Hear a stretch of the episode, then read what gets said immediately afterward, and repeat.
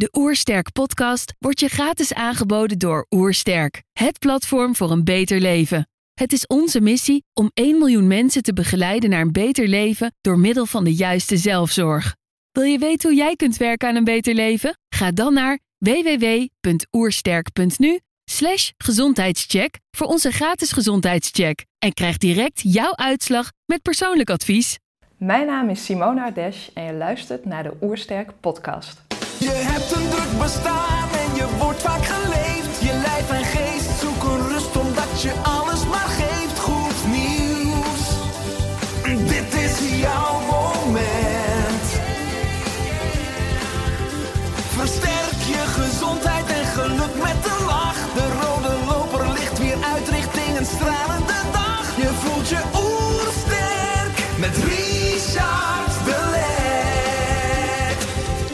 We zijn in Heemskerk voor een podcast met Simone Ades, arts in de integrale geneeskunde. Ze heeft een eigen praktijk en is directeur van de Amsterdam School for Integrative Medicine and Health, een nascholisch instituut voor artsen. Ik ben benieuwd naar haar tips voor een beter leven. Trouwens, geniet je van onze podcast? Abonneer je dan en laat een reactie of review achter. Zo help je ons om het gezondheidsvirus te verspreiden. Let's start! De Oersterk Podcast. Een ontdekkingstocht naar een beter leven. Simone, welkom. Dankjewel. Ik lees op je website, eh, welkom op de website van Simone Ades, praktijk voor coaching en bewustzijn. En dan drie mooie prikkelende vragen. Wil jij vrij en voluit leven en vanuit een diepere verbinding met jezelf en meer verbinding met je omgeving ervaren? Ben jij op zoek naar persoonlijke en of professionele groei en innerlijke rust? Of zoek je meer balans tussen succes, ontspanning en zingeving? En de derde en laatste vraag, heb je weinig energie of ben je burn-out of wil je dit voorkomen? Heb je het gevoel geleefd te worden? Nou, ik ben coach en arts en begeleid eh, collega-artsen, managers en andere professionals binnen en buiten de gezondheidszorg. Nou, het zijn drie, eigenlijk meerdere essentiële vragen, hè, want iedereen wil eh, verbinding, wil zingeving, wil succes, wil ontspanning. Weinig mensen hebben het. Hoe ben je gekomen tot eh, dit aanbod en in hoeverre hangt het ook samen met je ja, diepere verlangen? Mm. Dan moet ik je misschien even echt wat langer mee terugnemen. Eh, naar mijn kinderjaren, denk ik. Ehm, toen had ik al een soort behoefte om een ander te helpen. ehm, en een ander beter te maken als iemand ziek was. En dan zag ik mezelf ook eh, voor me met, dan haalde ik blaadjes van de boom en takjes en plantjes en dan stampte ik dat. En dan, eh, dan hoopte ik dat ik een nieuw medicijn eh, ontdekt had en gevonden had. Nou, daar ontstond dus eigenlijk al het soort verlangen om, ehm, ja, om een bijdrage te leveren aan de, aan de gezondheid en vitaliteit van de ander. Want daar gaat dat denk ik over. Hoe oud was dat meisje? Ja, dat weet ik niet precies, maar ik denk zo'n basisschoolmeisje. En was het iets wat je van je ouders al meekreeg? Nee, helemaal niet. Want ik kom helemaal kwam? niet eh, uit een medisch gezin. Uh, Mijn ouders waren ambtenaren. Uh, Maar dat, dat was zoiets. En ook de natuur daarbij betrekken. Dus blaadjes bij elkaar brengen en daar dan iets van brouwen. Ja, dat zat blijkbaar in mij. En uh, dat is ook wel weer een tijdje op de achtergrond geweest. Ik was eigenlijk heel erg beta. Ik hield van wiskunde en natuurkunde. Dus heb ik daar mijn aandacht gebracht. Maar na mijn VWO besloot ik wel om uh, geneeskunde te gaan studeren. Nou, dat heb ik gedaan. En toen ben ik uh, arts geworden. Um, en na mijn studie geneeskunde ben ik uh, aan het werk gegaan als arts in de psychiatrie. In welk jaar studeerde je af? Ik studeerde af in 2005. Ja. En toen ben ik gaan werken in de psychiatrie. En dat was eigenlijk ook heel logisch, want dat wat me het meest integreerde in de geneeskunde, dat was hoe werken lichaam en geest samen. En ik dacht, als ik nou psychiatrie ga doen, dan, uh, dan vind ik dat. Dus dat ben ik gaan doen. Um, ik heb een aantal jaren in de psychiatrie ook gewerkt. En wat ik uh, merkte, is dat ik op een gegeven moment um, merkte ik dat ik, als ik mezelf vanuit een helikopter zag, dat ik met name de hele dag bezig was met het voorschrijven van medicijnen. En de patiënten die ik daarmee hielp, die waren daar lang niet altijd bij uh, gebaat. Ik had lang niet altijd het effect wat ik hoopte. Hè? Dus ik hoopte als meisje nog van, oh, dan heb ik een, pilletje of een brouwseltje bedacht en dan gaat de ander dat helpen. helpen. Maar in de psychiatrie, met die enorme hoeveelheid slaapmedicatie en antidepressiva die ik voorschreef, eh, had ik helemaal niet het effect wat ik gehoopt had. En soms erger nog, ik zag dat mensen ook heel veel bijwerkingen hadden. Ehm, dus er wrikte iets in mij terwijl ik dat werk deed. Had je een ander beeld qua psychiatrie, wat je zegt, het, het de verbinding lichaam en geest, dat fascineerde me. Vandaar ook psychiatrie om misschien meer antwoorden te vinden over het samenspel lichaam en geest. Kreeg je die antwoorden dan uiteindelijk niet? Was het de psychiatrie anders dan je gehoopt had? Ja, zeker, zeker. Ik zag mezelf dus veel medicatie voorschrijven. Ik keek naar de psychiaters die wat ouder waren. Die waren ook een groot deel van de dag bezig met het voorschrijven van medicijnen. Waren ook geen boegbeeld van vitaliteit. Um, ja, en tegelijkertijd had ik allerlei vragen over wat eten deze mensen, hoe bewegen ze in het leven, letterlijk bewegen van douchen aan beweging, maar ook van wat, wat bewegen ze, waar worden ze blij van, waar worden ze enthousiast van, hoe verhouden ze zich tot de mensen om zich heen. En ik had eigenlijk weinig tijd in mijn, uh, in mijn consulten om daaraan te besteden. Terwijl ik wel voelde dat daar ook een hele grote kracht zat. Um, en ik had weinig tijd en ik wist eigenlijk ook niet zo goed wat ik er dan mee moest. Want in mijn geneeskundeopleiding was ik daartoe eigenlijk niet opgeleid. En toen ben ik gaan zoeken. Uh, toen ben ik gestopt met die baan in de psychiatrie. Ben ik nog een tijdje bedrijfsarts geweest. Het was best een spannende tijd ook, want je laat iets los. Um, en je hebt een soort beeld voor de toekomst van ik word psychiater en dat word je dan niet. Uh, en dan ontstaat er eigenlijk een leegte. Dat vond ik toen heel spannend. En tegelijkertijd kan ik nu zeggen van dat is eigenlijk het moment geweest waarop ik ja, nieuwe inspiratie kon opdoen. En eh, op een gegeven moment kwam de zorgvisie Integrative Medicine kwam op mijn uh, pad. En ik las daarover en uh, daar stond van Integrative Medicine is eigenlijk het combineren van westers technische farmaceutische geneeskunde. En met name in acute, bij acute problematiek helpt dat goed. Maar dat combineren met meer Oosterse wijsheid, dus holistische gezondheidszorg, uh, maar ook voeding uh, en ook meer hoe, hoe werken lichaam en geest nou samen en dat ook echt toepassen in de gezondheidszorg. Um, en ook van hoe kun je nou de wijsheid uit oude tradities, hè, zoals de uh, natuurgeneeskunde of de Chinese en Indiaanse geneeskunde, hoe kun je dat nou samenbrengen met de westerse gezondheidszorg? En dat heeft me toen heel erg geraakt. Ik heb toen ook besloten om naar uh, Amerika te gaan, om daar aan de Universiteit van Arizona bij Andrew Weil, om daar een opleiding te doen. Want wat bleek in Amerika was er gewoon een opleiding voor artsen die zich daarin wilden verdiepen. Daar was gewoon een specialisatie voor. Uh, en dat is nog steeds zo. Um, en daar, ja, daar kreeg ik wel antwoorden op die vragen die ik, die ik had. En toen ik dat heb afgerond, ben ik dan ook mijn eigen praktijk, Integrative Medicine, begonnen. Dat was echt nog mijn artsenpraktijk, die, die heb ik nog steeds. Um, en in die tijd dat ik uh, zeg maar, die eigen praktijk had, kwamen er ook steeds meer artsen op mijn, uh, op mijn pad. Die zeiden, ja maar Simone, zo wil ik eigenlijk ook werken. kun je niet ook dat onderwijs wat je in Amerika hebt gehad, kun je daar niet iets van in Nederland ook gaan neerzetten? Um, het was wel in de tijd dat ik hele jonge kinderen had. Dus onze, even kijken, onze oudste dochter was al wel geboren, maar de jongste dochter, daar was ik op een gegeven moment nog zwanger van. En die moest nog geboren worden. En ik merkte wel dat in die jonge kinderjaren dat ik het heel belangrijk vond om uh, veel thuis te zijn. Dus ik had mijn eigen praktijk en ik had de jonge kinderen. En ik merkte dat ik daar niet zo heel veel uh, bij kon, uh, kon hebben. Dus ik heb daar even mee gewacht. En wat ik wel heb gedaan is, um, um, ik ben wel nieuwsbrieven gaan schrijven naar de um, dokters die op mijn pad kwamen. Die zeiden van ja, ik wil hier wat mee. Dus ik ben nieuwsbrieven gaan, uh, gaan maken en ik heb daar allerlei onderwerpen in besproken, uh, zeg maar, op het gebied van integrative medicine. En dat netwerk begon zich eigenlijk vanzelf, begon dat als vanzelf te groeien. Uh, en een aantal jaren later, ja, dat verzoek lag er eigenlijk nog steeds van, wil je opleidingen maken op dit gebied? Toen heb ik gezegd, oké, laten we beginnen met nascholingen organiseren op het gebied van integrative medicine. Dus dat betekent dat wij, wij richten ons op artsen die nieuwsgierig zijn die verder willen kijken dan uh, alleen het farmaceutische en uh, het technologische. Wat natuurlijk geweldig is, hè, waar we hele mooie dingen mee kunnen doen. Met name bij, dat acute, uh, bij de acute geneeskunde. Hè, maar in ons chronische, bij de chronische ziekten, met name de welvaartsziekten. En dat is het overgrote deel van de hè, ziektes die er op dit moment, waarmee, waarmee we te dealen hebben. ja, daar, daar hebben we gewoon een ander antwoord nodig. En uh, ik denk dat met name mijn generatie artsen dat massaal begint in te zien van hè, we komen niet uit met het arsenaal wat we hebben. Dus we willen wat meer leren over voeding, body-mind, En die, die andere traditionele geneeswijzen, van wat kunnen we daar aan wijsheid uithalen en toepassen in onze uh, geneeskunde. Nou, wat zijn nou inzichten wat je geleerd hebt in Amerika tijdens die opleiding Integrated Medicine, wat je dan gemist hebt in de psychiatrie? Nou ja, dat je, dat je, um, wat wij met name doen in onze westerse geneeskunst, is dat we um, symptomen behandelen.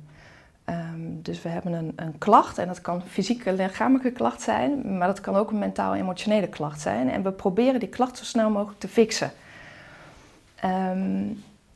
En de dat is. reflex als het ware. Ja, de op... alles gelijk oplossen. Ja. Precies. En er is niks mis mee met symptomen bestrijden. Alleen waar het, waar het over gaat is dat je ook de diepere oorzaak wil weten. Van welke disbalans ligt nou ten grondslag aan deze klacht? vaak komen klachten ook niet alleen, het komt vaak in een patroon. En die zijn in de holistische, traditionele gezondheidssystemen veel beter beschreven dan in, in onze westerse geneeskunst. dus pas toen ik in die traditionele uh, geneeswijze daarin ben gedoken, toen zag ik klachtenpatronen die ik als westerse arts helemaal niet kon duiden. Die zag ik gewoon uitgelegd. En dan kwam er eigenlijk een antwoord uit van dat is een disbalans op dit en dit niveau. Uh, maar daar wordt veel energetischer eigenlijk gekeken naar gezondheid. En um, wat, wat ik ook heel rijk, uh, rijk vind daaraan is dat uh, het zelfherstellend vermogen krijgt eigenlijk veel meer, um, ja, krijgt eigenlijk de, de aandacht die het, die, die het ook, ja, dat, dat, dat, dat is zo'n krachtig vermogen. We kennen het allemaal, hè, als we onze vingers snijden, dan is dat wondje binnen, binnen enkele dagen of enkele weken gemaakt. Um, maar eigenlijk is dat zelfherstellend vermogen is eigenlijk een regulerend vermogen in ons lichaam, wat continu probeert balans te houden. Dus dat is niet alleen relevant voor het uh, wondje in je vinger, maar dat is relevant bij de preventie, maar ook de behandeling van auto-immuunziekten, van hart- en vaatziekten, van kanker. dus als we dat zelfherstellend vermogen, als we dat kunnen optimaliseren, ja, dan hebben we een soort kern te pakken. Um, en dat zelfherstellend vermogen, dat fascineert me dan zo, want dat is eigenlijk, wat is dat dan, is de vraag. En vaak proberen we de dingen hier op te lossen met ons, uh, met ons koppie. Uh, en dat zelfherstellend vermogen, dat is een soort intelligentie wat een, van een heel andere orde is eigenlijk. Dat is diezelfde intelligentie die, uh, ja, die maakt dat als een eicel en een zaadcel elkaar ontmoeten, dat daar een, eh, een embryo uit kan groeien. dat is de intelligentie die maakt dat mijn hart klopt en die van jou ook. de intelligentie die maakt dat de aarde om de zon draait dat als ik in het voorjaar een, uh, een zaadje plant uh, van een spinazieplantje, dat binnen de kortste keren dat er van die groene kopjes boven de aarde uitkomen. Dat is die intelligentie. Dus dat is iets heel anders dan op de oppervlakte gezondheid proberen te beïnvloeden. Dat gaat echt over die diepere niveaus. En dan kom je dus terecht bij body, mind en spirit. Dus dan zul je op al die niveaus iets moeten doen om, om dat uh, vermogen uh, te optimaliseren. En, en dat is fascinerend. Hè? Da, da, daar word je ook blij van. Dat is veel interessanter dan het leren van uh, diagnoses en daar hoort dan dit behandelingetje bij. Dat vervult ook helemaal niet. Hè? Nu kom je eigenlijk in het mysterie van het leven terecht. Dan ga je met mensen in gesprek over al die verschillende niveaus. Ja, ik zeg wel eens, een arts kan je niet genezen, maar je kan alleen maar jezelf genezen. Want je werkt eigenlijk via het zelfherstellend vermogen. Uh, als je dan die twee werelden bekijkt, hè, de reguliere geneeskunde en de complementaire geneeskunde. Eigenlijk is het wel jammer dat we een soort scheiding hebben. Eh, je kan je afvragen, is de reguliere wel reguliere niet een beetje alternatief? En is het alternatief niet regulier als je werkt met voeding en leefstijl en body, mind, spirit? Uh, maar als je bijvoorbeeld een klacht hebt als uh, eczeem, veel mensen hebben eczeem, huidklachten, is het gebruikelijk dat je naar de huisarts gaat. Nou, de huisarts geeft veel bijvoorbeeld een hormoonsalfje, nou verrek en de huidklacht gaat weg. Hè, alsof je ook weer het lampje uit het dashboard draait uh, van de auto als het motorlampje aangaat. Het is dus een projectie, wat je zegt, het is niet het symptoom is het probleem, maar de oorzaak. Dus een, ja. een projectie uit die motor. Wat zijn vanuit de integrated medicine, ik weet niet of je dat zo kan zeggen, dan andere visies om naar eczeem te kijken? Nou ja, eigenlijk uh, of je nou naar eczeem kijkt of naar uh, kanker of hart- en vaatziekten, het is eigenlijk dezelfde bril die je steeds neemt dus ik zei net al even body, mind en spirit. Hè. Als je dan begint met, met body, hè, dat is het, het meest zichtbare stuk voor ons. Ik denk ook dat de westerse geneeskunde zich met name op het bodystuk heeft gefocust, omdat dat is wat ja, het meest tastbaar, hè, dat kunnen we zien. Ehm, hè, en dat gaat bijvoorbeeld over welke voeding neem je ook tot je. Hè. Dat kan je fysiologisch ook nog wel aardig in beeld brengen. Hè, wat er gebeurt als je bepaalde nutriënten tot je neemt. Hè. Dus, dat, is, dat is ook het stuk wat het eerst eigenlijk geaccepteerd is. Hè. Dat voeding nu relevant is in de behandeling bijvoorbeeld van angst en depressie. Dat is nu redelijk geaccepteerd. Tien jaar geleden uh, werd je echt verguisd als arts als je dat zei. Dus dat fysieke niveau dat gaat met, met name over voeding, maar ook welke lucht adem je in. Hè?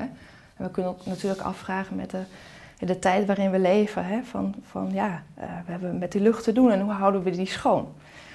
Uh, en dan kom je vanuit dat, dat, dat is het zichtbare stuk. En dan komt dat andere stuk en dan wordt het voor mij eigenlijk heel interessant. Hè? Dat is het mentaal, emotioneel, spirituele stuk. Hè? Dat we, wat we niet zo goed konden zien. Hè, en gelukkig, en dat is denk ik een heel groot verschil met tien jaar geleden. Tien jaar geleden was body-mind medicine, dat werd nog een beetje weggezet als een soort van uh, kwakzalverij. En nu met al die mooie nieuwe uh, neuroimaging technieken, uh, nu kunnen we dat wat je als je op mentaal-emotioneel niveau wat doet, dan zie je ook dat dat iets verandert, bijvoorbeeld in de structuur van de hersenen. Hè, dus als jij negatieve gedachten hebt bijvoorbeeld, dan geeft dat een heel andere fysiologie in jouw lichaam dan als je positief denkt. Dus in het ene geval gaat de, de fight-and-flight reactie aan met adrenalineproductie en uh, cortisolproductie. En aan de andere kant, hè, op het moment dat je veel meer gevoelens hebt, bijvoorbeeld van, van compassie en van dankbaarheid, hè, dan zien we dat er heel andere hormonen in het, uh, bloed gaan circuleren. Met name oxytocine, endorfines.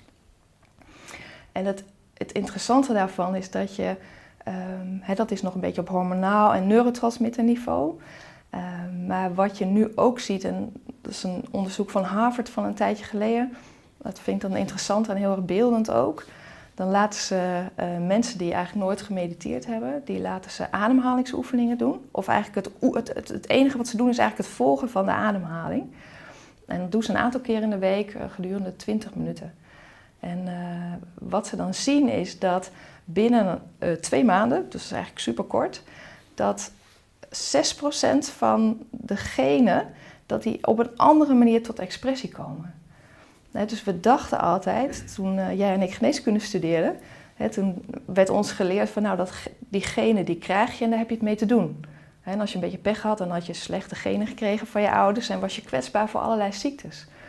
En nu weten we dat bijvoorbeeld door meditatie of yoga, uh, dat je uh, die genetische expressie kunt veranderen. Dus dat er andere genen tot expressie komen. En bij dat onderzoek wat ik net noemde, uh, is het zo dat binnen die twee maanden 6% van die genen op een andere manier tot expressie komt. Nou, dat is waanzinnig. Dat doet geen medicijn. Dus ja, daar kunnen we hele mooie dingen, denk ik, nog uh, op doen. Ja, ik denk dat het enorm krachtig is uh, en ook nodig is. Uh, en dat ook heel veel artsen hunkeren naar deze kennis en informatie in Enorm. handvatten. Dus dat het enorm fijn is dat jij die nascholing aanbiedt. Aan de andere kant denk ik, hoe kan het dat het zo enorm traag in het huidige medische systeem of de opleiding geïntegreerd wordt? Ook die nieuwe inzichten. Ja, ja ik, ik, ik vind het een hele mooie spreuk van als je, als je iets wil veranderen, als je, if you want to change a system, uh, don't fight it, mm -hmm. but make a new one. En die draag ik altijd een beetje bij me. Want wij dus, proberen met hoe sterk. Ja. Uh, ja. ja, en dat probeer ik ook met ons opleidingsinstituut. Um, wat, mijn, wat wij met, kijk, enerzijds dragen we kennis over in ons opleidingsinstituut. Anderzijds wat we doen is we laten die artsen zelf ook de body-mind geneeskunde eigenlijk ervaren. Door ze ook meditatie, en, maar ook hypnotherapie of ademwerk of yoga te laten ervaren. Want op het moment dat je een ervaring hebt, ja, dan, dan hoef je dat wetenschappelijk onderzoek ook niet meer helemaal in detail uit te pluizen. Want dan weet je van dit werkt. Hè? Dus je snapt het niet cognitief, maar je snapt het in je, je systeem. snapt het in je, je systeem. Je weet en je ja. ervaren. Ja. En ik had laatst nog een huisarts die zei van ja Simone, ik adviseer eh, bij de mensen met een recidiverende depressie. Hè, daarvan weten we van mindfulness is effectief. En die huisarts zei ja, ik adviseer dat wel, maar uh, mijn patiënten doen dat niet. Uh, waarop ik zei van heb je zelf wel eens mindfulness, heb je, daar wel, heb je dat wel eens ervaren? Mm -hmm. waarop ik nee kreeg en zei van nou ja, dan zou ik hè, als eerste kijken of je dat zelf wat kan gaan ervaren. En vanuit daar nog eens dat gesprek aangaan met diezelfde patiënt. En dan zul je zien dat je vanuit een heel andere plek komt hè, in het gesprek met jouw patiënt. Als je daar zelf ervaring op dat gebied hebt. En dan kun je wel eens een heel ander gesprek krijgen. En dan kan je de, de, eh, ehm, zeg maar, dat wat je adviseert, dat kan op een heel andere manier gaan landen bij die ander. En dat is natuurlijk heel krachtig. En dat is wat wij eigenlijk heel graag willen doen met die artsen. Om eh, ze enerzijds kennis bij te brengen, anderzijds ze te laten ervaren. Ehm, maar ze ook, en dan kom ik op het punt waar jij eigenlijk naar vraagt, om ze te empoweren om die dokter te zijn waarvan ze voelen dat ze die willen zijn. Dus heel veel artsen zijn geneeskunde gaan studeren met, vanuit het gevoel wat ik een beetje net over mezelf beschreef. Van ik wil die ander gaan helpen. En ehm, nu ze vastzitten in een soort jasje wat niet meer past, in protocollen, in veel te veel medicatievoorschriften. Het is een enorme groep artsen, met name denk ik de nieuwe generatie ook, die voelt van dit voelt helemaal niet meer goed. Maar ja, ik zit nu één keer in het systeem, hè, dus hoe moet ik er dan uit? Gouden handboeien. En wat ik merk is, eh, met name in het ehm, opleidingsinstituut, dat door die artsen te verbinden, ehm, dat, dat je een heel sterk veld eigenlijk creëert met elkaar, waardoor artsen ook gewoon durven te gaan staan voor van, "Maar dit is wat ik voel. En ik wil mijn huisartsenpraktijk op een andere manier invullen. Of ik wil als medisch specialist gaan samenwerken met die eh, integraal werkende gynaecoloog of die integraal werkende neuroloog. En door die scholingen te geven en met elkaar eh, ja, onszelf eigenlijk eh, ja, te laten groeien, ontstaan die nieuwe initiatieven, want die zijn er wel degelijk. En ik denk dat dat een enorme vlucht gaat, eh, gaat nemen. Ik ben daar ongelooflijk positief over. En dat is met name de laatste, zal maar zeggen, twee, drie jaar zie ik daar een enorme beweging in ontstaan. Ja, want je zegt dat artsen veel meer durven op te komen voor wat ze voelen. Mijn ervaring is dat je veel beter voelt als je uit een soort overleefrespons komt. Wat je ook terugziet bij eh, heel veel artsen. Is het een bijna basale voorwaarde ook dat artsen misschien zorg dragen voor een betere zelfzorg? Dat ze ook veel meer in verbinding komen met hun gevoel, met hun lichaam? Uh, je noemde net dat je in je opleiding tot uh, psychiater ook veel psychiaters zag die niet, wat je voor mij in je eigen woorden zei, het voorbeeld waren van vitaliteit. hoe kunnen artsen starten om, om, om beter te kunnen voelen? Om, natuurlijk kunnen ze naar jullie instituut toe gaan, maar er zijn ook veel artsen die de podcast luisteren. wat is nou een eerste stap om beter te voelen of meer in verbinding te komen met hetgene waar je, waar je ja. energie van krijgt? Of om al te starten op een dag met wat meer tijd voor jezelf. Want veel, ook mensen, maar ook artsen zullen zeggen van ja, ik zit in het hamsterwiel. Het is ja, druk, zeker, druk. Zeker. Ik ga wel eens voor mezelf ja. zorgen als, nou en dan ja. morgen of ooit. Of, ja. Nou ja, wat wij nu doen, we doen ook wel, dat vind ik dan heel leuk, we doen ook een aantal meerdaagse scholingen. Dus dan hebben we artsen wat langer eigenlijk bij ons. En wat we dan doen is ook gezamenlijk uh, yoga-meditatie voordat we de dag starten. Uh, en we proberen dat ook te combineren met naar buiten gaan, wandelen. Of, uh, en nu hebben we binnenkort weer een uh, scholing in Oostenrijk. Dan combineren we dat met skiën, in de natuur zijn. Dus wat we doen is eigenlijk als het ware voorleven hoe je je dag anders zou kunnen indelen. En wat ik merk is dat artsen daar heel enthousiast van worden. Die denken, hé, hey, maar wacht even, zo kan het ook. En die zelfzorg voor die, voor die arts, dat is één van de belangrijkste aspecten. En daar hadden we nog niet echt over gehad. Maar dat is een van de belangrijkste dingen in onze school ook. Om uh, ja, artsen hierin mee te nemen van hoe zorg je goed voor jezelf. Want hoe kun je in godsnaam goed voor de ander zorgen als je niet goed voor jezelf kunt zorgen. En daar, uh, ja, daar, daar nemen we ze in mee in de scholingen. Hè. Dus onze scholingen, wat ik net al zei, we, gaan binnenkort een, scholing en dan gaan we ook uh, bosbaden. Dus dan nemen we ze mee het bos in om te ervaren hoe de, ja, wat, wat voor kracht de natuur eigenlijk in zich heeft. Dus zo proberen we dat. Wat ze in Japan ja. al veel langer doen inderdaad voor Zeker. patiënten met diabetes of uh, qua Zeker. insulinegevoeligheid. Ja. Ja. Ja. En hier ook geldt, hè, als je dat als arts dan zelf ervaren hebt, van wat voor weldadige kracht daarvan uit kan gaan. En dan zul je ook een heel ander gesprek weer hebben met je patiënt als je het hebt over, joh, misschien is wandelen wel goed voor je. Hè? Dus het gaat over die eigen ervaring. Dat is wat wij graag willen geven. En uh, ik zie dat dat ook werkt. Ja. Bij jou zie ik een enorme krachtige eigenlijk brug tussen je academische achtergrond enerzijds en anderzijds je intuïtie en je sensitiviteit, wat je ook eh, gebruikt in je praktijk, heb ik ook gelezen op je website. Hoe lukt dat om die twee gebieden eh, samen te brengen? Omdat, dat is natuurlijk een aanname of een vooroordeel, er ook relatief, een, een, ik zou niet zeggen een groot deel, maar een deel van de arts is die alleen maar werken vanuit een academische achtergrond. En ook alles afwijzen wat enigszins intuïtief of sensitief of alternatief is. Hoe breng jij die twee Ja, werelden samen? Nou, ik ken het zelf eigenlijk heel goed. Als ik terugkijk, dan uh, ben ik zelf ook heel cognitief ingesteld altijd geweest. Uh, heel wetenschappelijk en heel erg op de cijfers en op de statistiek. Uh, dat vind ik ook interessant.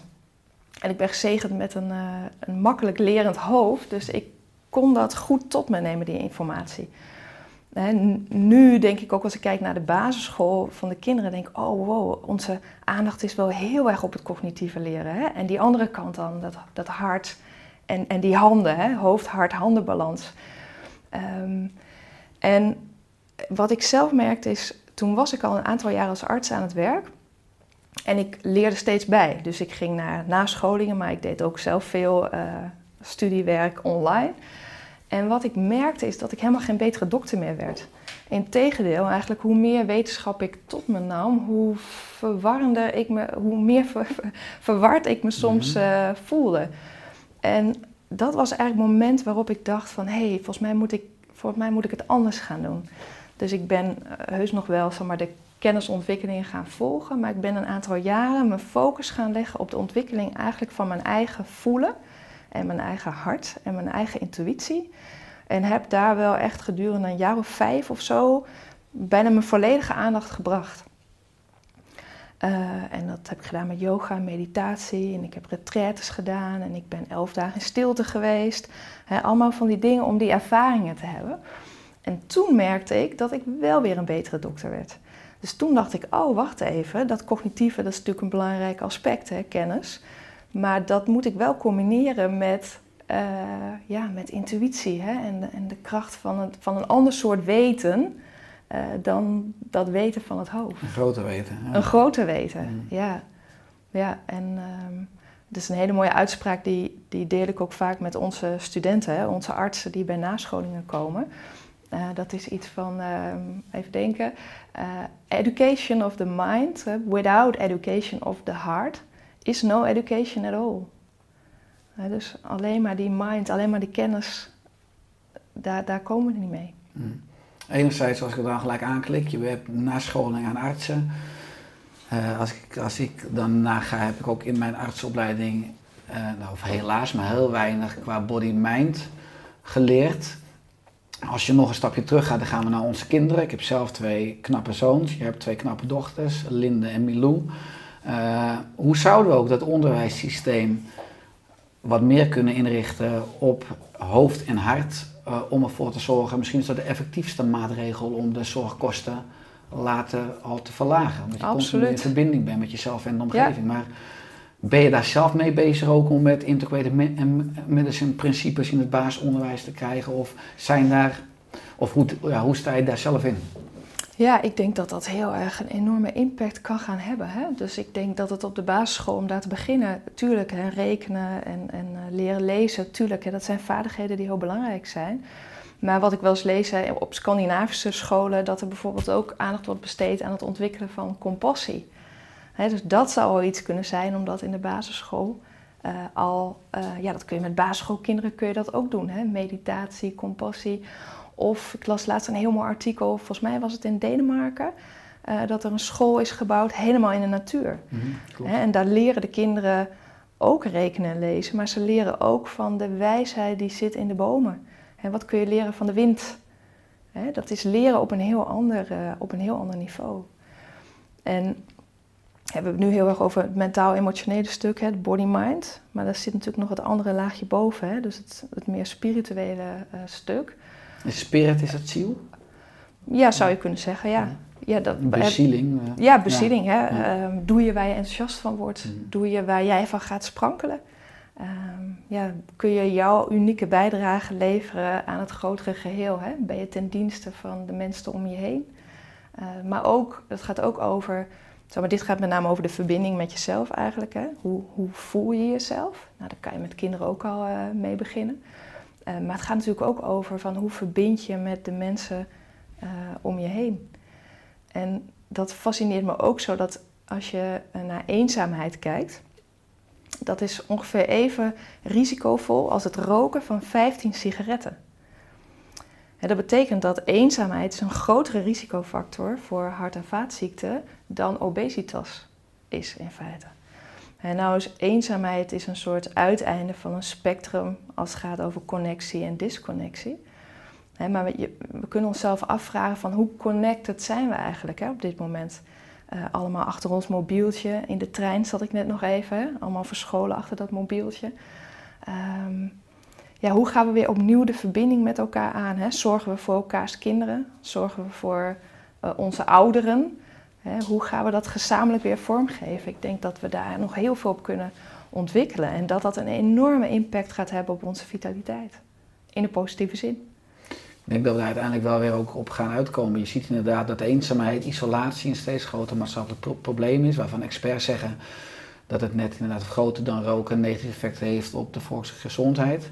Dat mensen ook steeds meer hunkeren naar, naar verbinding en Ja. echt contact. Ik bedoel, 300 Facebook vrienden is leuk. Maar als je geen echte vriend hebt die je kan aanraken, die je in de ogen kan kijken, die je oxytocine Ja, kan uitwisselen, dan, ja. dan gaat je lijf toch signalen geven. En dat is eigenlijk omdat we evo- evolutionair bekeken sociale dieren zijn. Ja. We Ja. worden het afhankelijkst geboren van alle dieren in het dierenrijk. Ik bedoel, de grootste ontwikkeling vindt plaats buiten de baarmoeder. We zijn als we geboren zijn compleet afhankelijk qua veiligheid, warmte, eten en drinken van onze zorgers. Ja, eh, Van liefde. Dus eh, ja, mooi. Eh, absoluut.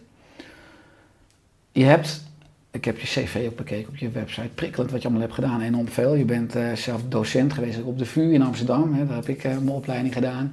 Je bent ook een tijdje bedrijfsarts geweest, KLM, eh TomTom. Tom. Ik moest wel denken van hoe is onze eigen navigatie, Mhm.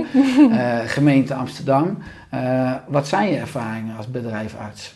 En, en wat, wat heb je daar ook eh, uit kunnen leren? Omdat alles wat je op het moment doet in het leven, dat is weer bagage die je later in je leven kan toepassen. Waren er ook bepaalde, zijn er dus nog erg vitale bedrijven? Want dat, ik word ook veel gevraagd als spreker op de zakelijke markt, waar vitaliteit een hot topic is. Ja, Maar Ja. waar heel veel eh, nou ja, ondernemers, maar ook managers en eh, mensen te hard werken, te weinig balans hebben en uiteindelijk bij de bedrijfsarts komen, is het burn-out of met andere.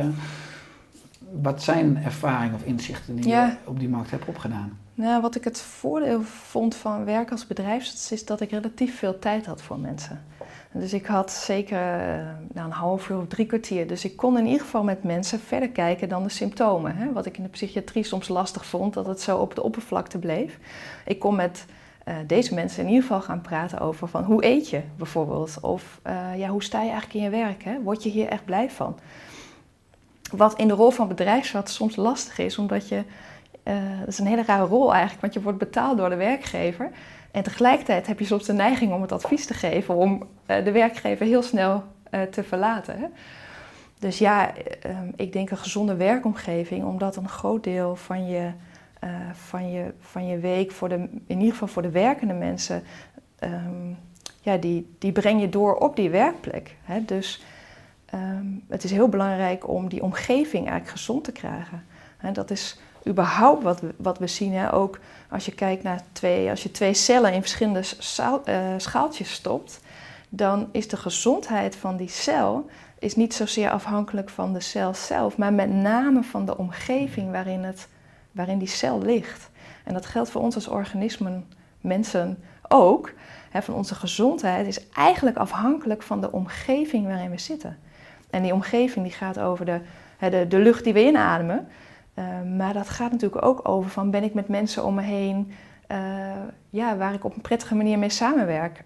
Maar dat gaat ook over van doe ik eigenlijk wel wat ik moet doen.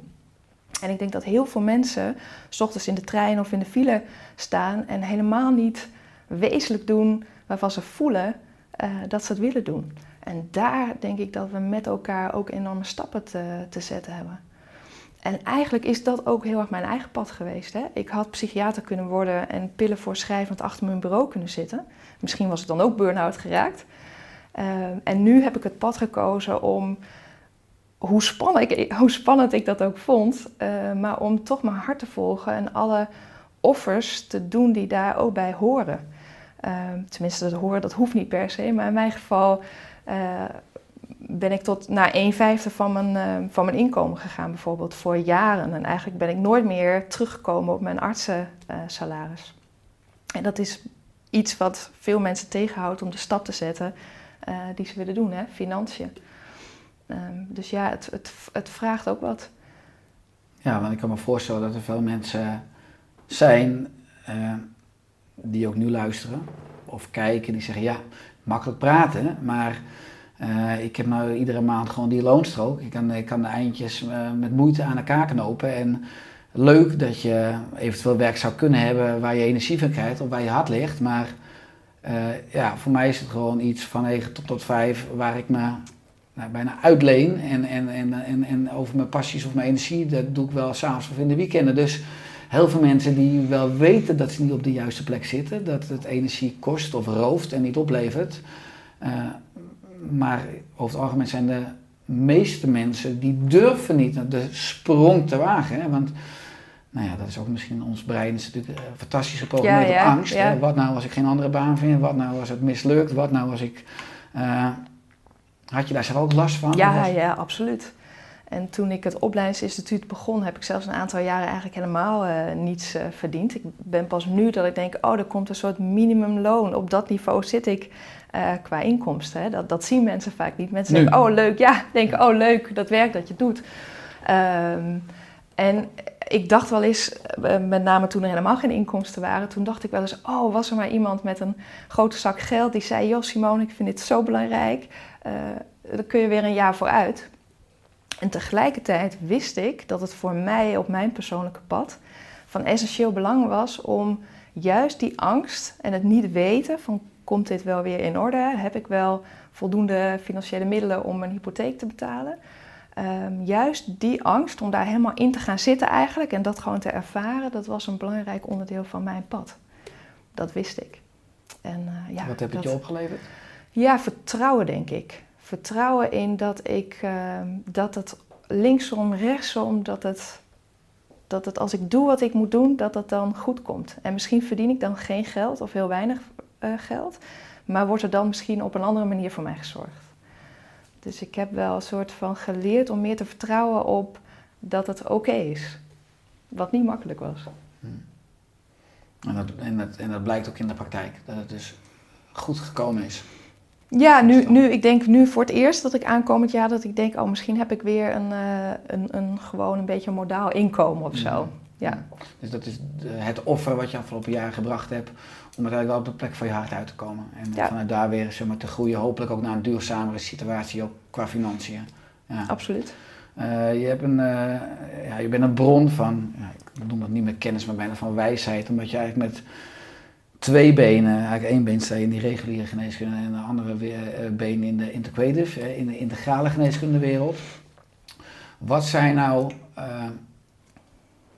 praktische tips of inzichten waarvan je zegt, als we dit in de maatschappij al meer zouden uitdragen, zou dat een enorm positief effect hebben op het verlagen van de zorgkosten. Want dat is weer heel erg lekker cognitief vanuit geld. Maar een enorm positief effect- effect hebben ook op de toename van kwaliteit van leven. Als mensen dit eens zouden weten, ook preventief, als ze dit eens zouden doen. eh, nou, dat is een hele bre- brede vraag, maar dus kan Ja. je uit body, mind, spirit antwoorden. Maar, Ja. maar kan je daar één of twee voorbeelden van geven? Ja, die voor mij belangrijk zijn bedoel je dan? ja, die eh, jij eh, graag uitdraagt. Ja, Of ook ervaren hebt in je eigen leven of in je praktijk, dat het mensen ook grip geeft, controle geeft, of dat het ook meer e- energie geeft, of meer voldoening, of meer innerlijke rust en zingeving. ja. Ja, wat ik het mooi vind van, van deze tijd eigenlijk dat je zo makkelijk toegang hebt via het internet. Hè? Ik bedoel, iedereen heeft wifi. En je hebt zo makkelijk toegang tot allerlei eh, ja, meditaties of yoga of ademwerk. eh, gratis en voor niks. En het is misschien even zoeken van hè, welke, welke past bij mij. Eh, maar dan heb je ook wat. En als je dat toe kan passen in je leven, eh, bij voorkeur op dagelijkse basis, hè, wat mij ook niet altijd lukt, maar dan, dan heb je al meer rust en meer ruimte. En vanuit eigenlijk wat ik zelf heb gemerkt, is dat als je wat vertraagt in je leven, dus iets minder gaat rennen, ben ik zelf ook wel een renner. Ik ben ook iemand die heel erg houdt van doen. Uh, terwijl we natuurlijk geen human doings Mhm. zijn, hè, maar human beings. Dus ik ben op een gegeven moment zelf bewust wat meer gaan vertragen. Hè, dat is datzelfde proces als dat wat meer gaan van denken naar voelen. En in die vertraging heb ik gewoon meer contact eigenlijk met mezelf kunnen maken over met wat vind ik nou eigenlijk belangrijk. En wat ik zelf heel erg merkte is dat ik het moederschap eh, eigenlijk het allerbelangrijkste vind. Dat ik gewoon aanwezig wil zijn eh, voor onze dochters. Dus ik werk bewust drie dagen in de week. Dus dat geeft ook een financieel offer wat je doet. Uh, maar aan het schoolplein staan als zij uit school komen, uh, dat is goud waard. Uh, en ik scheid op de dagen dat ik eh, niet werk, heb ik mijn werktelefoon bijvoorbeeld altijd uitstaan. Ik eh, check geen werk-e-mail. dus dan ben ik echt met hun eh, om te spelen en te, ja, ik doe natuurlijk ook de wasjes, die moeten ook gebeuren. En ik kook het eten. Maar ja, gewoon terug eigenlijk naar de basis van het leven. Aandacht. Aandacht. Aandacht bij alles die wat je niet doet. weggekaapt kan worden door Ja. allerlei, En wat ik recente uitvindingen. Ja. ja. en wat ik bij mezelf ook heel erg gemerkt heb, is dat ik uh, toen ik nog in dienst was van een werkgever, nou, dan werkte ik van 9 tot 5, dan had ik een middagpauze. En toen ik mijn eigen praktijk begon, toen ging ik eigenlijk hetzelfde doen. Terwijl ik ergens voelde van dit is helemaal niet het ritme wat bij, bij mij past. Maar ik zat blijkbaar zo in een patroon dat ik, mal gewoon, ja, ja. dat ik gewoon datzelfde ging doen. Toen dacht ik, hè? Maar die werkgever die is er helemaal niet meer. Blijkbaar zit het patroon ook zo in mij dat ik het ga doen. En toen ben ik, en ik heb hier jaren voor nodig gehad, maar stapje bij stapje ben ik nu eigenlijk tot een soort indeling van mijn dag gekomen. Waarbij ik s ochtends dan uh, met name patiënten ook zie of coachingsgesprekken doe. En dat ik dan naar huis ga om uh, te koken, soep te maken. Dus dan ben ik echt met mijn handen bezig. Uh, ik hou ook van koken, dus ik ben groenten aan het snijden. En als het een beetje mee zit, ga ik daarna ook nog een, een half uur of een, nou een uur, maar een half uur in ieder geval probeer ik ook nog echt te rusten en te gaan liggen. Of iets van een meditatie te doen, maar soms ook gewoon lekker staren naar buiten. En ik merk dat ik, als ik dan nog een paar uurtjes werk aan het eind van de dag, dat ik wel veel, veel helderder in mijn hoofd ben. Plan je Dus- dat ook in je agenda? Dus je tijd om te koken of te mee wil zeggen? Ja. De meeste mensen plannen het niet Ja. laten over aan het toeval of aan Nee, het universum kent geen leegte, dus dat wordt Nee. over het algemeen dan weer ingevuld. Je Nee. plant het ook echt. Ja, ik, ik, ik heb een papieren agenda, wat heel veel mensen ouderwets vinden. Maar daarmee kan ik in één eh, oogopslag mijn week zien. Hmm. En daarin heb ik gewoon grote kruisen staan. En dat helpt mij enorm om het overzicht eh, te houden. Nou, dat is een mooie balans tussen ontspanning en inspanning. Ja, In Scandinavië hebben ze natuurlijk eh, zes urige werkdagen. Eh, wat ook een beetje hierheen wijdt, de zes urige Ja. werkdag. Waar je ziet veel meer efficiëntie, veel meer ontspanning en balans. En de productiviteit gaat in veel bedrijven ook nog omhoog, hè, omdat je veel minder ruis en afleiding hebt. Ik werk vandaag, hè, we hebben onder andere deze podcast opname maar vier uurtjes. En ik ben ook lekker thuis bij de jongens, maar ik denk dat het belangrijk is dat het stroomt. Dat je het juiste energiemanagement op je dag hebt. En er is ja, zoveel meer dan Ja. economisch nuttig en productief ja zijn. absoluut, Ja. absoluut. Dus een, eh, een acht uurige werkweek wat mij betreft is de, of een acht uurige... Is ook mooi hoor. Ja, is, eh, ja, ja. Daar heb ik ook wel eens een boek over gelezen, geloof ik. Maar een, ja, voor Tim Ferriss, ja. ja. Een acht uurige werkdag, dat is natuurlijk onzin. Op de manier zoals we nu werken, hè, zeker voor de mensen die de hele dag achter computers zitten, dat doet iets met ons lichaam. Ja. Op die stoel, achter die computer. Past niet bij ons ontwerp, nee. Nee, dus Ja. we zullen daarna nieuwe manieren gaan zoeken om dat op een andere manier vorm te gaan geven. Absoluut. Absoluut. Ik denk ook dat er ook een economische noodzaak gaat ontstaan, omdat we al wat meer druk zien op de arbeidsparticipatie als je kijkt naar de chronisch zieken en ook eh, op, de, Ja. op de arbeidsmarkt. Ja. Als we dus dat, dat optimale leveren terugbrengen eigenlijk naar een optimale dag, hè, als ik al jouw taken hoor, eh, eh, dochters, praktijk, eh, partner, eh, opleidingsinstituut, hoe hou je zelf balans eh, in jouw leven? En praktisch als je dat vertaalt, wat is voor jou een optimale dag, maar ook gewoon hoe richt je jouw dag in? Ja, ja dus, dus mijn werkdag is eigenlijk heel anders dan mijn thuisdag met de kinderen. Eh, maar wat, ik, wat meer algemeen geldt, is dat ik probeer elke dag iets van yoga of meditatie te doen. En soms is dat gewoon een uur. Hè. Ga ik gewoon naar een yogaklasje toe. Eh, ik geef ook één keer in de week nog yoga. Daar ontspan ik eigenlijk ook altijd heel erg eh, van. Dan denk ik altijd, wie heeft het nou het meest nodig vandaag? De mensen die, er, die in mijn klas zitten of ben ik dat zelf? Dan Ehm, doe je het goed, dan krijg je betaald om, te ontspannen. Dat is het Ja. beste werk, ja. Ja, en soms is de dag eigenlijk voorbij en denk ik, oh, dat heb ik toch, hè, heb ik dat toch niet voldoende aandacht gegeven. En wat ik dan nog wel eens doe, is een, hele korte reflectieoefening met mezelf van, hé, waar ben ik dankbaar voor vandaag? Nou, dat kan in één minuut. Hè, dat is ook een soort even moment van even stilstaan. Is het het einde van de dag of voor het slapen? Want zie je vaak dat veel mensen Ja, die, dankbaarheid oppakken. Ja, dat doe ik wel eens voor het slapen gaan. Eh, en wat ik soms onder de douche doe of zo bij het begin van de dag is gewoon even stilstaan bij wat is eigenlijk belangrijk voor mij vandaag. Überhaupt, wat is belangrijk voor mij? Om heel even, want voor je het weet zit je in die red race en ben je, tenminste zo gaat het bij mij, ben ik van alles aan het doen. Hè, waarvan ik op een gegeven moment denk van wacht even, waar ging het mij nou om eigenlijk? Hè, dus echt steeds, steeds opnieuw terug naar die, naar die kern van wat is belangrijk voor mij en doe ik dat wat belangrijk voor mij is of ben ik eigenlijk al bij afgeleid? Ja, en dat vind ik, dat vind ik een, een ik denk dat dat een, een, een, eh, ja, een, een ongoing zoektocht is, hè? naar balans houden. Het is Ik, een ik, proces. ik had ergens altijd de hoop van, nou, als ik dan een balans heb, dan heb ik hem. Hè? En ehm, ja, we weten allemaal dat er maar één constante factor in ons leven is en dat is dat alles verandert. Dus dat vraagt ook continu bijstelling. Ja, Absoluut, ja. Willem Pinksterboer was een aantal eh, weken terug de gast in de, de Oosterpodcast. Acupuncturist, die zei van het is onmogelijk om 100% in balans te zijn. Het is net als een korte danser, je moet continu gewoon bijsturen. ja dat merk ik ook. Ja, ja. Ja. En dat is, dat is een levenskunst om, om En om dat is de levenskunst. Ja. En ik denk dat vitaliteit is uiteindelijk ook een levenskunst. ja, mooi. En de eindafrekening is hoe je je voelt vandaag. In je energie, hoe lekker je in je vel zit en, en hoe goed je je kan verbinden. Ja, dat zijn factoren die daar in ieder geval een belangrijke rol in spelen. Ja. Ja. Wij zijn alle twee enorm geïnteresseerd in, in, in integrale geneeskunde, in wetenschap, in, nou, ook in het ervaren.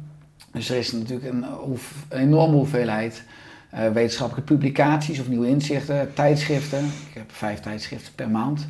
Ehm, heb je ook soms iets dat je buiten de band springt? Of dat je zegt, ik heb een guilty pleasure. Ik heb zelf chocoladerozijnen, moeten niet in de Oh. buurt zijn. Als Renate ze haalt ben ik ook nooit blij. Eh, ik krijg pukkels van chocolade, dus kan je het gelijk terugzien. Eh, maar is er iets waarvan je zegt, nou dat, is, eh, dat vind ik toch wel lekker af en toe om juist te cheaten? Of om juist Nou, uit de band te springen? Of, Daarin lijken we dan ook, ook op elkaar, want ik ben heel erg gek op chocoladetaart. Mhm. Dus als we die dan halen, als er iemand jarig is bijvoorbeeld, dan uh, dat is zo'n taart met een grote moeslaag en daar overheen zit dan allemaal grote stukken chocola. En dan voordat de gasten van de verjaardag binnen zijn, heb ik dan al ongeveer de helft van die chocolade afgeknabbeld. Moet ook even voorproeven. In de hoop ja. Dat niemand dat ziet, tot grote ergernis van mijn overige gezinsleden overig. Ehm, maar dat zou je een guilty pleasure kunnen noemen. Mhm. Uh, ik ben overigens helemaal niet voor strakke lijnen in dieet, in zijn algemeenheid niet. Ja, in mijn praktijk, ik zie eigenlijk heel veel mensen die heel gezond leven. Dus mensen die gezond eten. Uh, en ik weet dat dat niet uh, de, het gemiddelde van de maatschappij is, maar de mensen die bij mij komen, die eten gezond, die doen bijna allemaal aan yoga en meditatie. Die weten heel veel van gezondheid. En die ben ik soms gewoon aan het afleren om um, te streng te zijn. We zijn te radicaal. Want die strengheid in ja. je systeem over van dit is goed en dit is niet goed en dan mag ik dat ook helemaal niet meer. Dat geeft een bepaalde energie in je systeem, een soort verkramping zou je bijna kunnen zeggen, die zeker niet bevorderlijk is voor dat zelfherstellend vermogen waar we het over hebben. Dus strakheid en rigiditeit, op welke manier dan ook, uh, daar ben ik helemaal niet voor.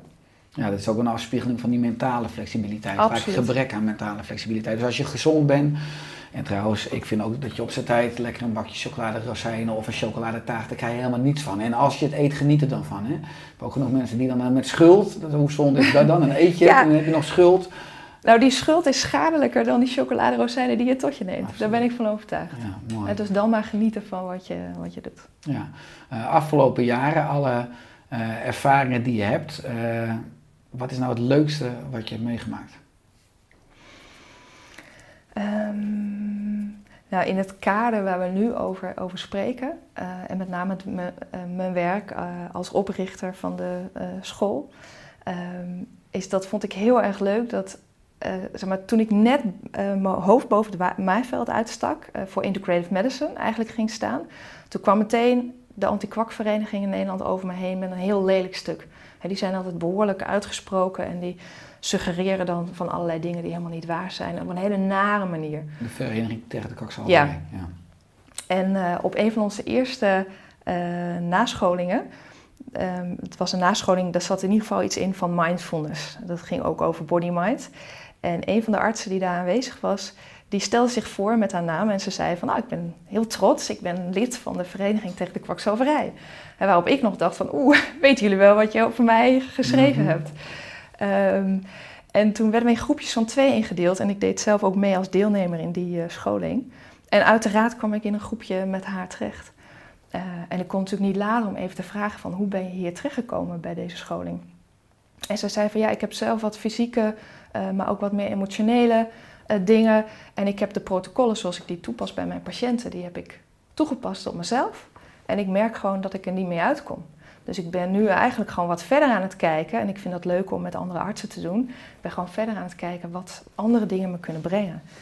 En toen dacht ik, hé, hey, weet je, eigenlijk zijn we gewoon helemaal hetzelfde. Hè? We gaan gewoon, we lopen op een gegeven moment vast en denken van hier komen we niet meer uit. En we gaan op zoek naar, ja, naar, naar andere mogelijkheden. En die gaan we kritisch bekijken, maar wel vanuit een soort open-mindedheid en een soort nieuwsgierigheid. En eh, ja, dan, dan, dan zie je dus ook meteen die verbinding. Hè? Van eigenlijk zijn we hetzelfde, we komen vanuit hetzelfde. Maar dat was natuurlijk wel eh, interessant dat op een van de eerste scholingen meteen iemand van de vereniging eigenlijk zich aanmeldt als deelne deelnemster. Snap ik, hè? maar hoe was dat voor jou dat je dat artikel voor het eerst las? Want vaak is zo'n artikel nog jaren vindbaar. Hè? Als Absoluut, absoluut, Dan, ja. dan zie je zo'n Ja, eh, artikel op de vereniging dat Ja. kwakzal vrij hoog eindigt in Google. Dus, Absoluut. dus mensen eh, nou, die, die, die lezen dat gelijk over jou. Ik vind, als ik dan toch mijn bescheiden mening eens mag uiten, dat het nou, een bange club mensen, maar dat de vereniging tegen de kwakzalverij te weinig nieuwsgierigheid en buiten bestaande kaders denken en verbinden. eh, dat ze dat te weinig stimuleren, maar heel erg star en rigide ook in die wetenschappelijke. We kunnen ook natuurlijk een uur praten over wat is nou echt de wetenschap Ja, en is ja. de, de huidige wetenschap wel geschikt optimaal om de waarheid te vinden. Maar terug Ja. naar mijn vraag, hoe was dat voor jou toen je dat artikel voor het eerst las onder ogen kreeg? ja ik weet dat, dat een, een vriendin van een vriendin die belde mij op en die zei: Oh, wat erg hè?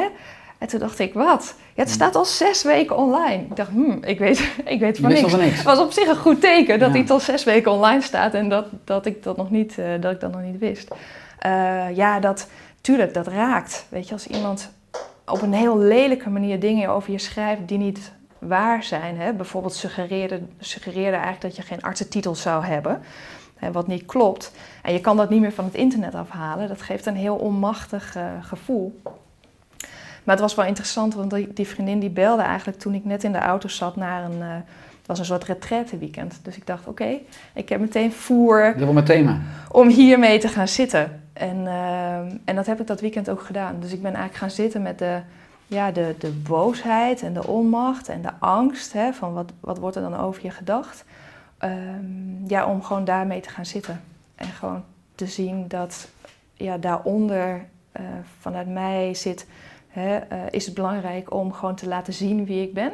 En ehm, ja, de dokter te zijn die ik wil zijn. En daarin andere dokters te inspireren die eigenlijk precies datzelfde, datzelfde voelen. Juist. Dus het maakt me op een bepaalde manier krachtiger om echt te gaan staan voor, maar dit is wat ik vind. Mhm, mhm. Ja, het is ook een, eh, een eretitel. Blijkbaar ben je groot genoeg om aandacht aan, eh, aan je te besteden en een artikeltje over te schrijven. Dus eh, dan ben je goed bezig. Hè? Dat, is, dat is een goed teken. Ik zag hem toen niet zo, maar Alles is een reframing, hè? alles is perceptie in het leven. zo is het. Ja. Wat, als je aan de andere kant, ik vroeg van wat is het leukste wat je hebt meegemaakt. Je noemt ook de Vereniging tegen de Kwakzalverij indirect, wat misschien ook, ook gek is. Maar is er ook iets waarvan je zegt, nou dit is wel het gekste wat ik heb meegemaakt in die jaren? Als ze maar in mijn rol. Ja, in je praktijk, eh, in je, in je naschoolsinstituut. eh, in, ja, wat ik zeg, je komt natuurlijk ook veel in aanraking met ook vakgenoten in de geneeskunde die een andere visie eh, of perceptie hebben. Ja, en toch, en toch als je terugkijkt, hè, als je ehm, een collega die schreef tien jaar geleden in een, in tijdschrift van psychiatrie over iets over voeding en, en angst en depressie. En die werd verguisd. Dat kon je absoluut niet zeggen. En nu zie je de vereniging eh, arts en leefstijl, dat was dan arts en voeding. Dat kan gewoon volledig de ruimte krijgen. Eh, dus voeding, dat is nu eigenlijk helemaal geaccepteerd. Ehm, die vereniging tegen de kwakzalverij, die zie je ook steeds meer, dat zakt helemaal weg. Omdat de massa van mensen, en met name ook artsen, die gaan staan voor in eerste instantie dan voeding, van hè, laten we daar eens naar kijken. Maar daarna komen die andere lagen, dus dan komen die emotioneel, mentaal, spirituele lagen, die komen daar gewoon achteraan. En de wetenschap op het gebied van mind-body geneeskunde is zo enorm ja, aan, het, aan het groeien. Bedoel, ieder weldenkend mens, niemand kan er meer omheen. dus we, dat is het mooie van deze tijd, dat we dat onzichtbare, dat we dat zichtbaar weten te maken. En ook spiritualiteit, dat vond ik vroeger zelf ook een soort zweverig woord. woord. En nu, en dat gaat eigenlijk over termen als bewustzijn bijvoorbeeld. En nu weten we, dat, dat, dat is iets waar ik dan heel enthousiast van word, dat als je in een orgaan duikt, bijvoorbeeld het hart of zo, maar je kan ook uh, de darm nemen, en je gaat in een cel en je gaat in de celkern en vervolgens in de chromosomen en in, de, in het DNA en de genen, dan kom je uiteindelijk op atomen terecht. En uh, als je in die atomen duikt, dat zijn eigenlijk de kleinste zichtbare deeltjes, maar als je daarin duikt, dan zijn er nog een paar deeltjes, maar 99,999 en nog een aantal 9, dus 99,9 procent is ruimte, is kwantumveld, is trilling. Um, en dat kunnen we nu zien, zichtbaar maken.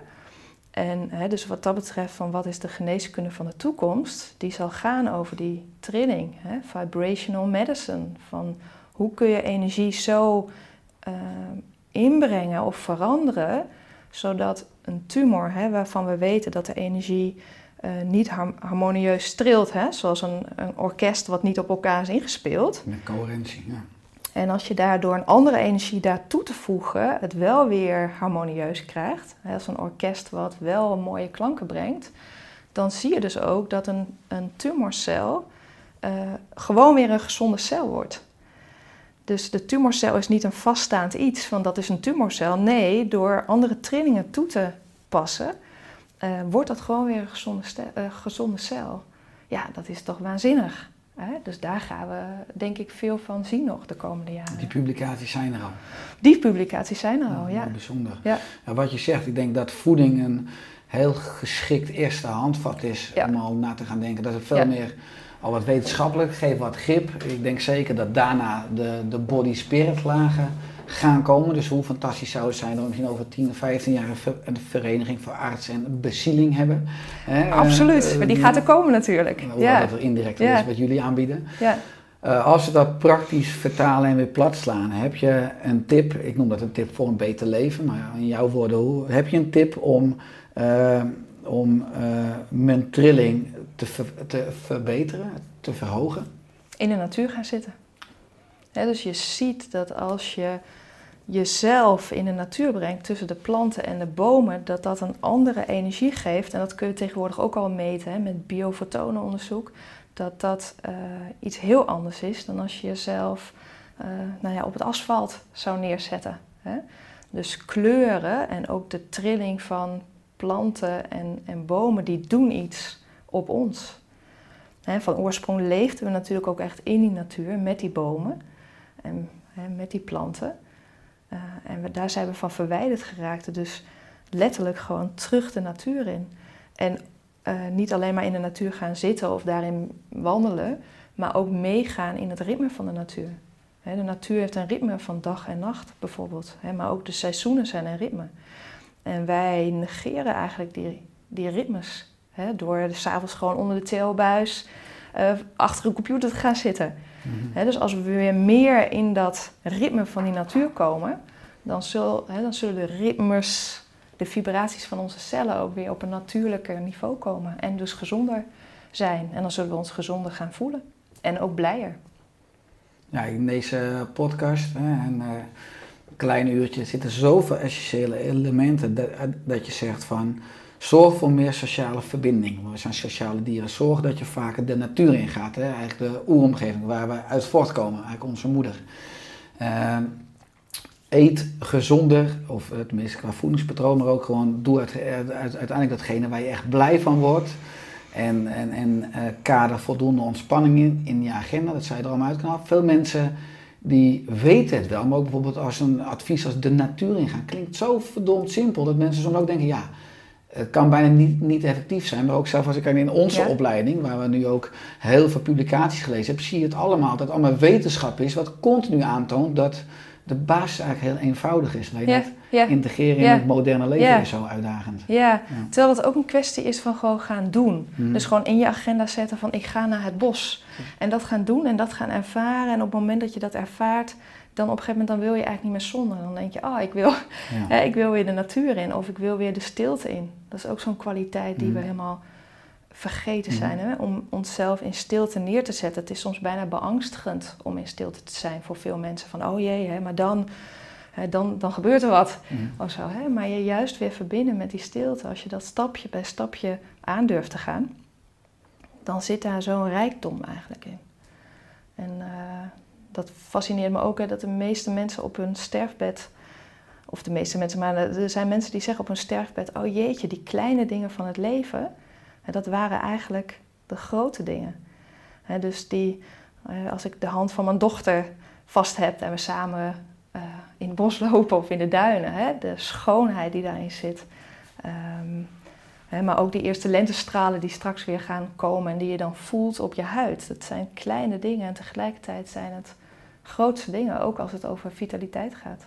Absoluut. Er is een mooie spreuk van de ziel schreeuwt nooit, maar fluistert. Ja, Dat is goed ja, die stilte Ja, ja, absoluut. regelmatig op te zoeken. En Ja. mensen zijn altijd trouw aan een agenda, of ze een papieragenda hebben of een agenda op een smartphone. Maar het staan vaak alleen maar hun inspanningsactiviteit. Dus misschien is het inspirerend na deze podcast dat ze af en toe een uur inplannen om afspraak te maken met een boom of met een eik. Maar ga de natuur in en Ja, zoek die stilte op. ja. Is het einde van deze podcast nog iets dat je graag wil toevoegen? Hmm, nou ja, ik praat ook tegen mezelf van hè, laten we vertragen met elkaar. Uit die red race, iets meer vertragen, genieten van de kleine dingen. Af en toe de stilte opzoeken, elkaar opzoeken. Mild zijn voor elkaar, hè, zacht zijn naar elkaar. Dat gaat vaak nog aardig, maar ook met name zacht zijn voor jezelf. Hè, meer compassie naar jezelf. Het jezelf ook gunnen hè, om de dingen te doen die goed voor jezelf eh, zijn. Daar is eh, heel veel winst te behalen.